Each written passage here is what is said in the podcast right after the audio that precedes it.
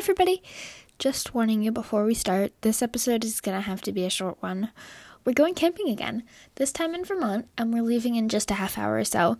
And we're not getting back until Tuesday, so I'm not gonna be able to post on Monday. I'm really, really sorry, but I'll post some pictures on our website of our trip when I get back. So, let's dive in. Go into the shack again. I'm actually already walking there. Already. To the shack. The same shack that I passed out in and was dragged out of. Yay! Super excited. At least I know what to expect this time. Last time, I had no idea what I would find in the shack. Ninjas? Zombies? Vampires? Just kidding.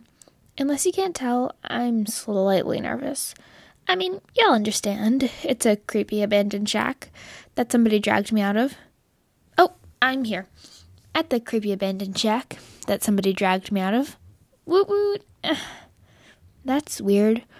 There's caution tape in front of the open space where a door would have been if it hadn't rotted away years, maybe even decades ago. Oh my god. Is that a blood spill on the floor? Oh, let me get a better look. Oh, thank god. It's red paint. But why is there paint in the what the heck? There are two guys carrying duffel bags. Not too unusual, except that they're both wearing black dress pants, black button down shirts, black sports coats, black dress shoes, and black masks.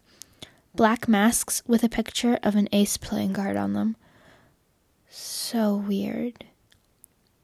Oh no, my mom just texted me. We're leaving. I need to get home. Um, until next time, I'm Zoe, and this is my life on lockdown.